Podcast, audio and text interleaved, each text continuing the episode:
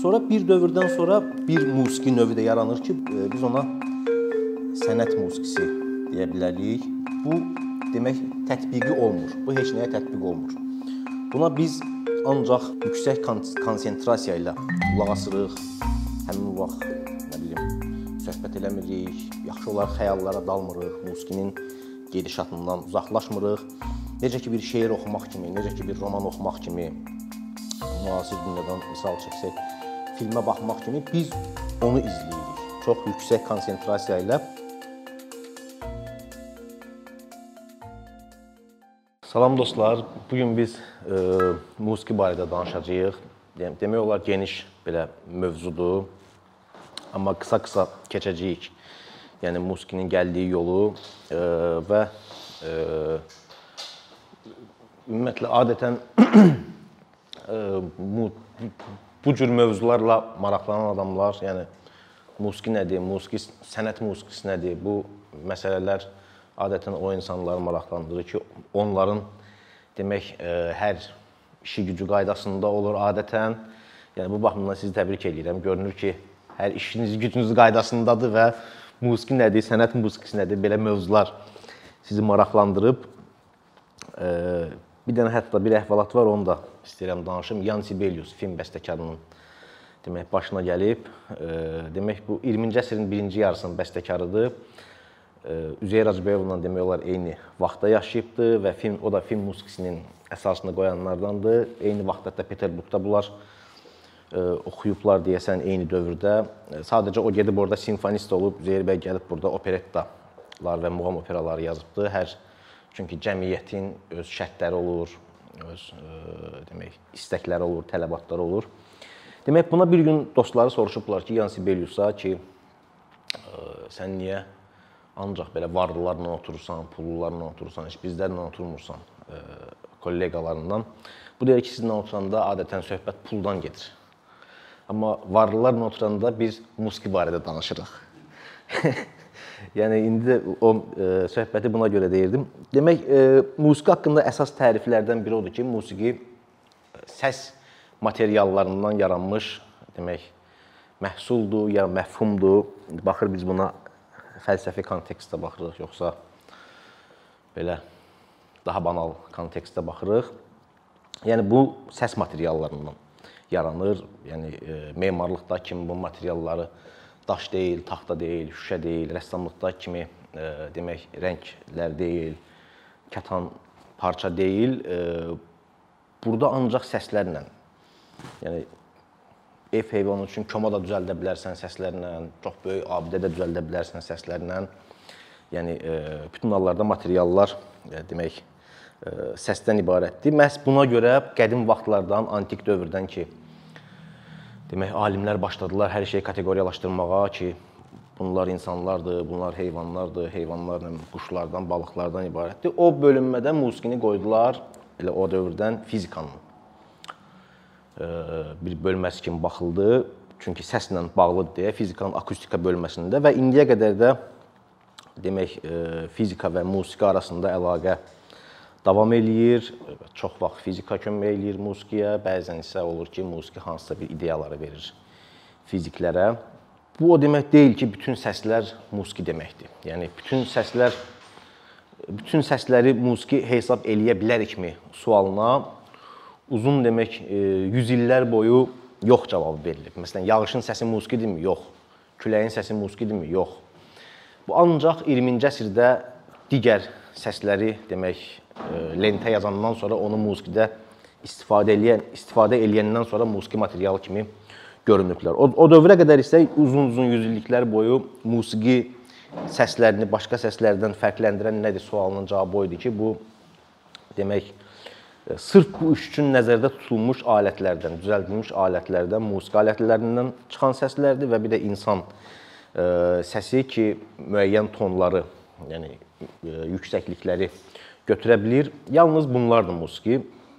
Elə Avropanın özündə də e, sənət musiqisində demək olar ki, e, zərb alətlərindən məsələn hətta istifadə olunmayıb. Ancaq e, konkret yüksəkliyi olan alətlərdən, fleyta, skripka filan və və s. alətlərdən istifadə olunubdu. Ümumiyyətlə musiqinin kəşfi də insanlar tərəfindən bütün digər e, bir xeyli anlayışlar kimi təsadüfi tapılıb və sonra uzun müddət körtəbii istifadə olunubdur. Təsadüfə elə tapılıb ki, yəni alimlərin dediyinə görə ki, onlar belə müəyyən eləyirdilər ki, 20-ci əsrdə xeyli geridə qalmış qəbilələr var idi dünyanın hər tərəfində. Onları müşahidə eləyə-eləyə bir çox qədim məsələlərin səbəblərini tapırdılar. Bunlardan biri də o idi ki, qədim insanlar necə musiqini kəşf ediblər. Böyük ehtimalla onlar demək külək əsəndə qamışlığın çıxartdığı səslərə fikir veriblər ki, bu küləyin başqa vaxt çıxartdığı səs deyil, yəni ağacların yarpaqlarına dəyəndə çıxartdığı səs deyil. Bu çox maraqlı səsdir və onu yəqin ki, o müddət gec olmayıbdı. Yəni qamışı kəsib baxıblar necədir. Sonra özləri sünni yolla eynisini düzəldə-düzəldə və yaxud ox yayı bir-birinə sürtə-sürtə təsadüfən yaxınlıqda bir məsələn içi boş qab var varsa, o ona dəyirmişsə, o artıq orada gözəl bir rezonans verilmiş. Belə-belə yəni e, qamışlardan tütəyi düzəldiblər bu oxdan və yaxud e, oxun demək, oxu dartıb buraxanda o rezonans verir. E, o arfanın, sonralar gitaranın, başqa tarın e, demək babası sayılır. Eləcə də o qamış tütəklər indiki mürəkkəb fleyta ailəsinin pikolo fleyta var, böyük fleyta var, kiçik klarnet var filan. Bunlar hamısının babası da həmin o qədim insanların qamışlıqda kəşf etdikləri demək e, tütək sayılır. Və uzun müddət bunlar körtəbii istifadə ediblər. Yəni necə? Qamışa istənilən yerdən deşik açıblar və yaxud da kamanın demək, kamandan müxtəlif ölçülərdə, yəni e, heç ölçmədən dəqiq müxtəlif iplər bağlayıb və yaxud bağırsaq bağlayıb, yəni onları dartıb buraxıblar, səs çıxıb. Ta o zamana qədər ki, e, bəzi diqqətcil, müşahidəsi yaxşı olan insanlar o tütəyin deşiklərini daha düzgün müəyyən ediblər, onları onların tütəyi daha yaxşı səslənib, onları daha çox çağırıblar, nə bilim, toya, yasa, digər, digər belə deyək, tədbirlərə e, və beləliklə e, demək musiqi ilə professional məşğul olmağın əsası qoyulub və bunu da demək çox çağırdıqca belə tədbirlərə bu demək tükək çalanır. Bu artıq çox ova getməyib, məsələn, başqa işlərlə məşğul olmayıb. Görüb ki, bu sənət buna bəs eləyir. Ya yemək verirlər, ya pul çıxandan sonra ortaya pul verirlər və beləliklə musiqiçi sənəti də demək başlayıbdı e, bir müstəqil sənət kimi.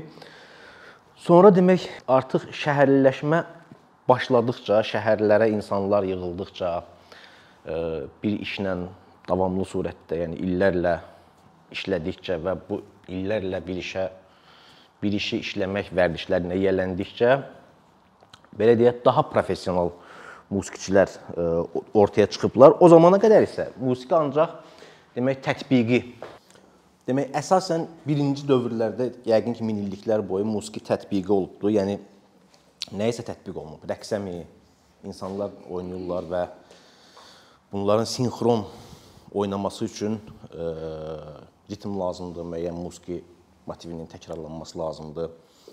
Və yaxud da e, ritualdır, hansısa bir dini ritual, qurban kəsirlər, nə isə eləyirlər və daha belə maraqlı, daha belə ecazkar atmosfer yaratmaq üçün istifadə olunub və digər.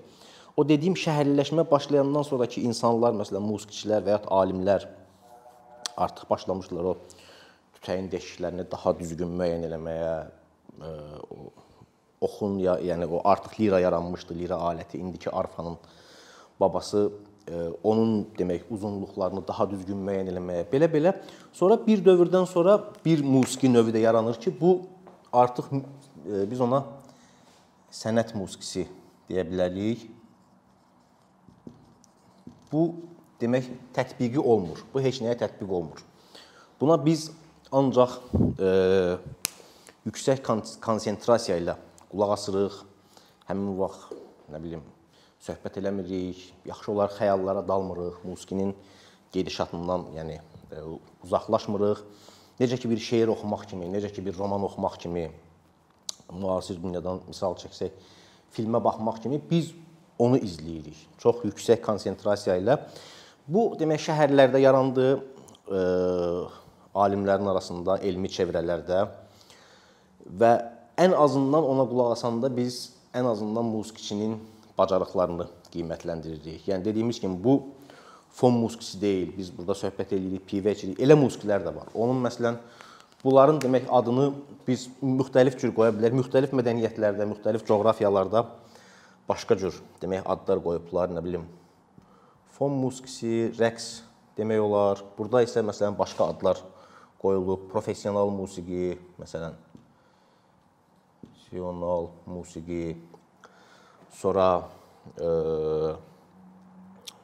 demək, məsələn İran musiqisində onlar deyirlər öz muğam, bizim muğam dediyimiz musiqiyə e, musiqi sünnəti, yəni qanuni musiqi. Yəni bu musiqidə müəyyən bir qanunlar çərçivəsində sən ifa eləyirsən, oxuyursan ki, başqası da eyni qanun çərçivələrində oxuyanda biz sizin fərqinizi bilək ki, kimlər, yəni eyni çərçivə içində kim daha yaxşı oxuyur. Məsələn, bizim muğamımız özü də demək, orta əsrlər e, demək, sənət musiqisinə aiddir. Yəni bunu yəni demək istəyirəm ki, bu qanuni İranlılar dediyi kimi ola bilər. Biz indi muğam deyirik. Bu əslində yəni bəlkə də biz də Azərbaycan sənət musiqisidir. Necə ki, Türkiyəlilər məsələn türk sənət musiqisi ayırır. Orda artıq nə bilim onlarla lad var. Seygah, nə bilim Hicaz. Onların e, Avropa musiqisində kimi 7 və ya 12 nota bölmürlər. Görürsən 19 yerə böldülər. Bir akt doğrudan doya qədər 19 akt 19 demək e, hissəyə bölə bilərlər, hətta daha çox.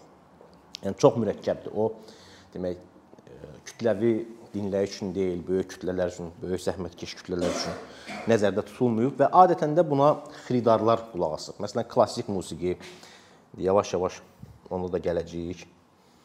Bunlar hamısı eyni, belə deyək, münasibətdir. Muğam da, klassik musiqidə sadəcə biri tutaq ki, məsələn 13-cü əsrin belə deyək, münasibətidirsə,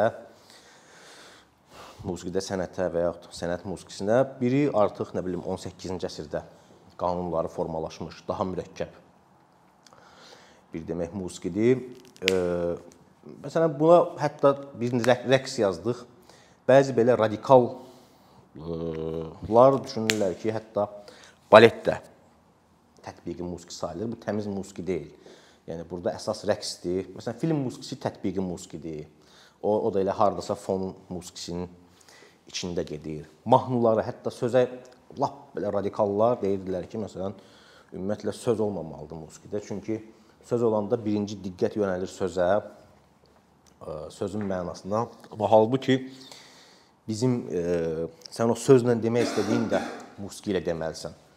Ona görə e, buna məsələn təmiz musiqi də demək olar. Pure music deyirlər. İngilis dilində bu sənət əvəzinə onlar art yəni musiq deyirlər. Yəni müxtəlif dediyim kimi coğrafiyalarda, müxtəlif ə, demək mədəniyyətlərdə başqa-başqa adlar qoyulubdur. Ə, və demək bu bizim indi klassik musiqi dediyimiz ki 17-ci, 18-ci, 19-cu əsrlər ə, bəlkə 20-ci əsrin əvvəli Avropa sənət musiqisidir əslində.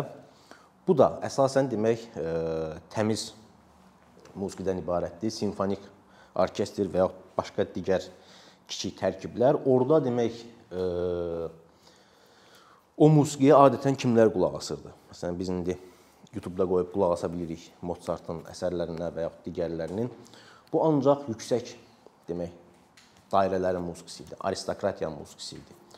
Onlar demək e, heç bir bunların dərdi səri olmurdu adətən. Bunların böyük torpaq sahələri olurdu Bunların çoxlu kəndliləri olurdu, hətta orduları olurdu və bunların uşaqları digər belə deyək, kasıb-küsubun uşağı kimi səhərdən axşama atasının yanında məsələn dəmir döymürdü, tutaq ki, dülgərlik eləmirdi. Bu çox gözəl buna demək müəllimlər tapırdılar. Hər cür sahədə bu ən yaxşı riyaziyyat müəllimi, ən yaxşı tarix müəllimi, ən yaxşı musiqi müəllimi.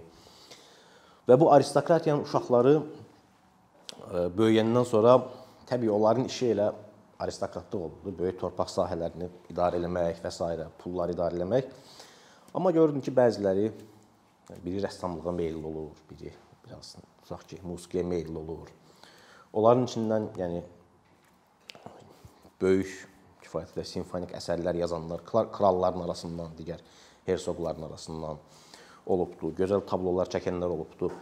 Və onların e, onlar idi əsas belə deyək, Mozartın dinləyiciləri ki, o 1700-lərin e, axırında Viyanadakı hansısa bir varlı adamın salonunda otururdular. Söhbət filan, yemək, içmək, sonra da ayrıca bir musiqi qidası almaq istəyirdilər. O zalda oturan tutaq ki, 30-40 nəfərin adətən 20-si, 25-i, bəlkə çoxu mütləq əksəriyyəti qulaq asanda bilirdi ki, orada söhbət nədən gedir. Bu bu nəyə qulaq asır? Bu qulaq asdığı şeyin adı nədir, mənası nədir? Yəni belə fon kimi qulaq. Çünki özü də yəni lazım olsa da yaza bilərdi. Sadəcə yazmırdı çoxu ki. Yəni daha vacib işləri var idi də musiqi yazmaqdansa adətən. Amma bilirdilər. Yəni e, bunlar və bu onlar üçün demək e, adətən yəni e, bu cür musiqiyə qulaq asanlar e, bilirlər o həzzi necə ki o gözlə görünməyən bir nə bilim məfhumlar orada ifa olunurlar, onların bir-birinə münasibəti olur filan. Demək, e, indi mən istəyirəm ki, həmin o 18-ci əsrin Mozart dövrünün sənət musiqisinə qısaca baxış salaq. Demək, adətən o dövrün 18-ci e, əsrin əvvəlindən demək olar başlamış, ortasından 20-ci əsrin ortalarına qədər gələn o dövrdə bəstəkarların əsas sənət göstərdiyi forma sanata forması adlanırdı. Bu forma demək adətən belə bir e, sxemdən ibarət idi ki, bəstəkar birinci musiqi mövzusunu demək göstərir, sonra ikinci mövzunu.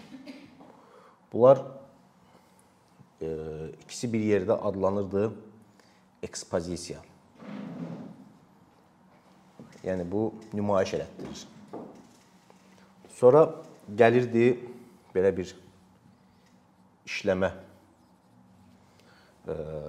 bölməsi musiqidə. Burada bu iki mövzunu birini və yaxud ikincisini və yaxud hər ikisini başlayırdı bəstəkar demək e, inkişaf etmək, inkişaf etdirmək. Ümumiyyətlə sənət musiqisində, xüsusilə Avropa sənət musiqisində əsas meyar məsələn gözəl melodiya yazmaq deyildi.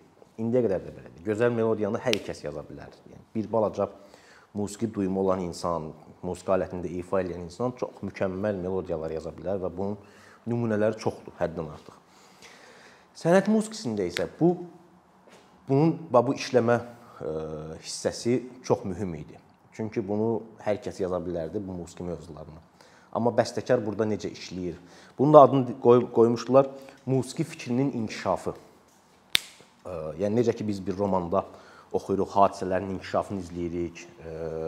Bir sujet xətti var, əvvəli var, axırı var, finalı var. Musiqidə də elə. Sonra gəlirdi repriza deyilən bölüm ki, burada yenə də bu bu mövzular e, tam olduğu kimi səslənmirdi, çünki onların başına burada xeyli iş gəlmişdi. Və həyatda olduğu kimi insanın başına nəsə iş gələndən sonra heç vaxt əvvəlki insan kimi olmur. O nəsə dəyişir müəyyən dəyişikliklərə uğrayır, metamorfozalara uğrayır. Və bu forma bəlkə 200 il, 250 il demək özü elə bir forma idi ki, yəni buna dialektikada kimi baxa bilərdik, hər cür. Yəni filosofun da burada cavabı var idi. Gözəl melodiyadırsa, yəni heç fəlsəfədən çox bilməyəndə nəsə bir ləzzət ala bilərdi. Və e, bunun demək əyani göstərmək üçün mən bir demək video indi göstərəcəm. Demək, YouTube-da bir maraqlı kanal var. İstəyərdim ki, onu e, siz də izləyəsiniz. Onun adı belədir. Smeylin ya Smalin belə yazılır. Demək, bu adam kimdirsə və ya kimlərdirsə əsasən klassik musiqini götürürlər, qrafikalaşdır, qrafika vasitəsilə belə vizuallaşdırırlar notları. Və daha aydın olur musiqidə gedən proseslər.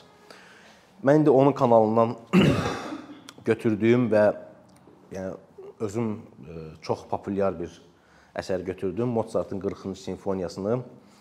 Orada demək biz indi qrafika formasında musiqi getdikcə demək izləyəcəyik. Bu mən demək danışdıqlarımı e, demək əsər 1700 88-ci ildə yazılıb. Bizdə o vaxt xanlıqlar dövrü idi. Səhv eləmirəmsə.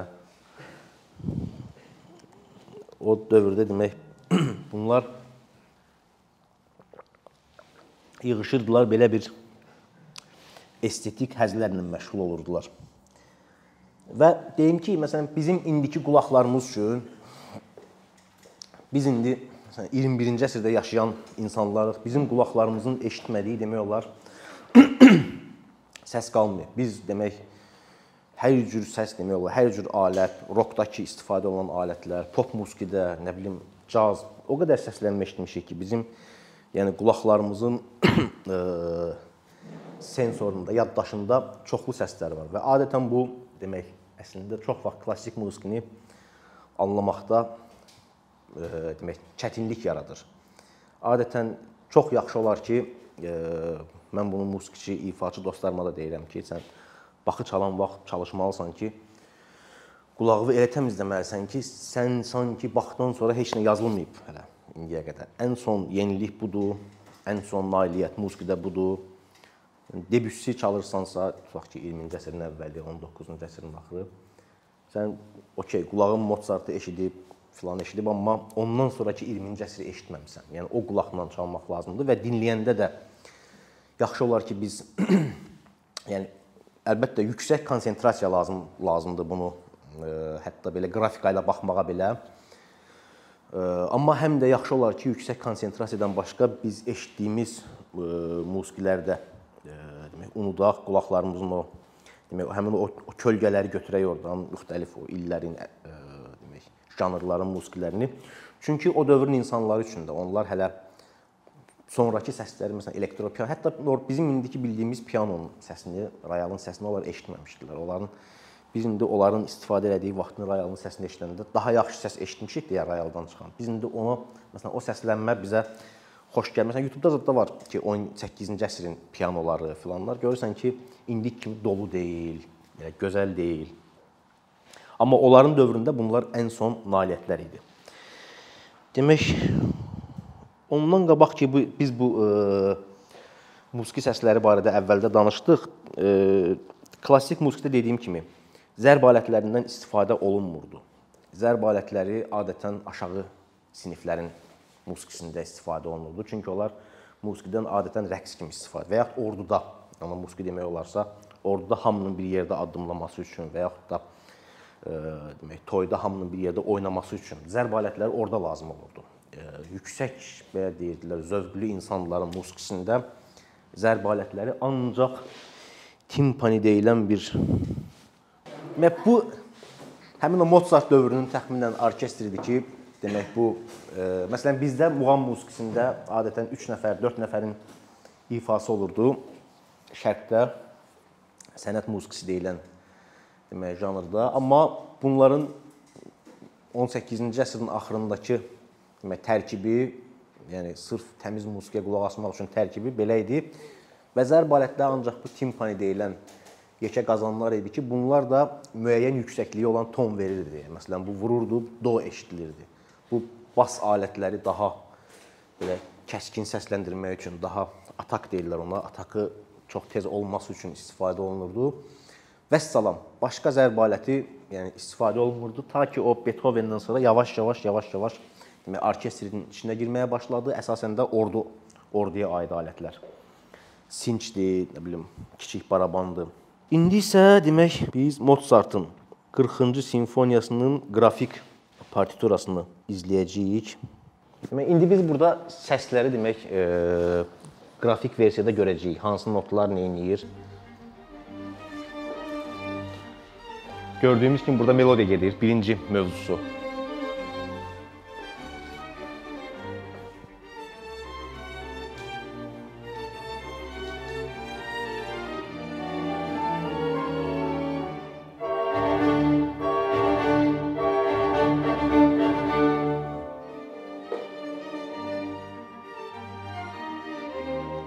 Biraz fərqli yuxarıya doğru getdi.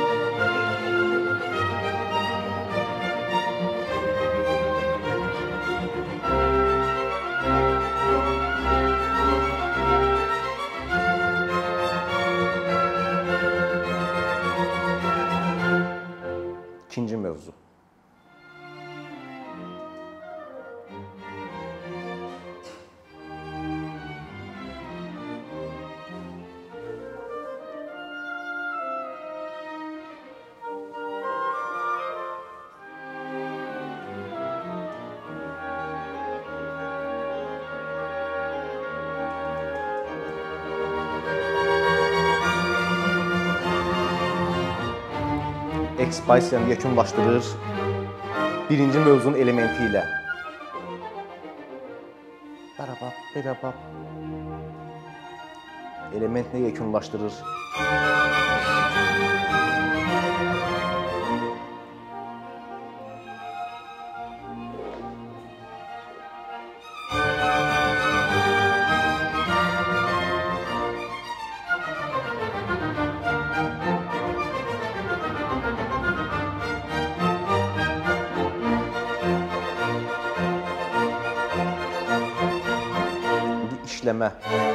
Hissəsinə.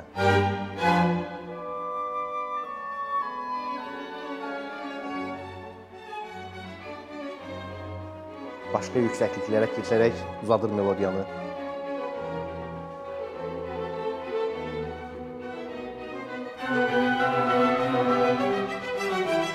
İndi melodiya baslarda gedəcək. Yuxarıda, sonra aşağıda. Bas alətlər çalırlar, sonra yenə yuxarı.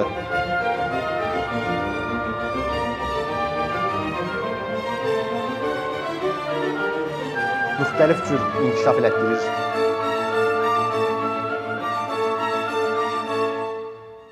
Dramatikləşdirməyə doğru gedəcək buradan. Yəni, diqqət edirsə həmin elementdir. Pararam, pararam, pararam.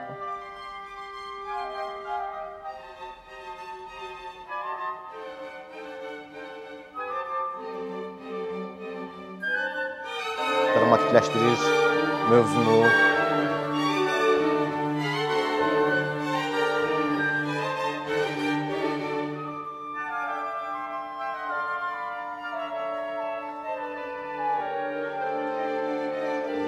Qayıtdı repriza bölməsinə, amma yəni mövzumuz olduğu kimi deyil, indi görəcəyik.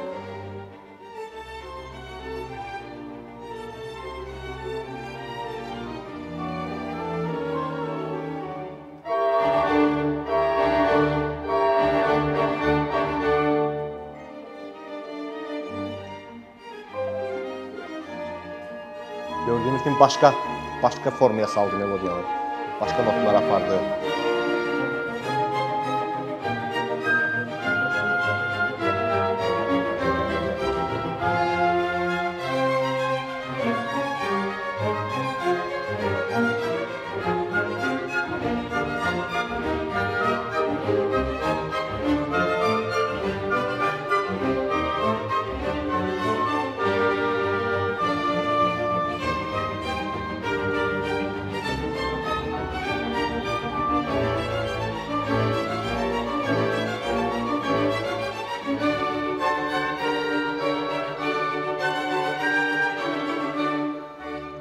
Mövzumuz gəlir.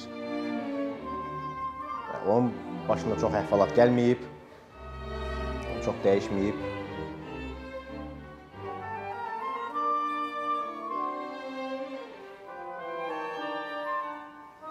Sadəcə orkestrovkada müəyyən dəyişiklik, başqa alətlər çalırdı bu dəfə belə.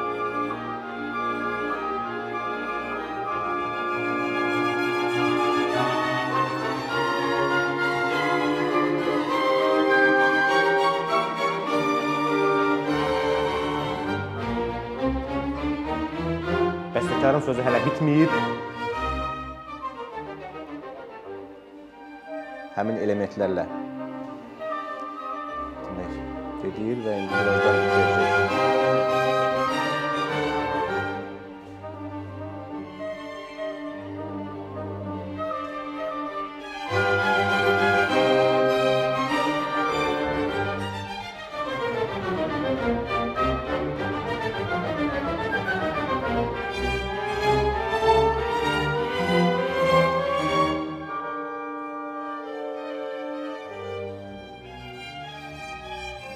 İnkişaf elətdirir, axıra qədər nə isə.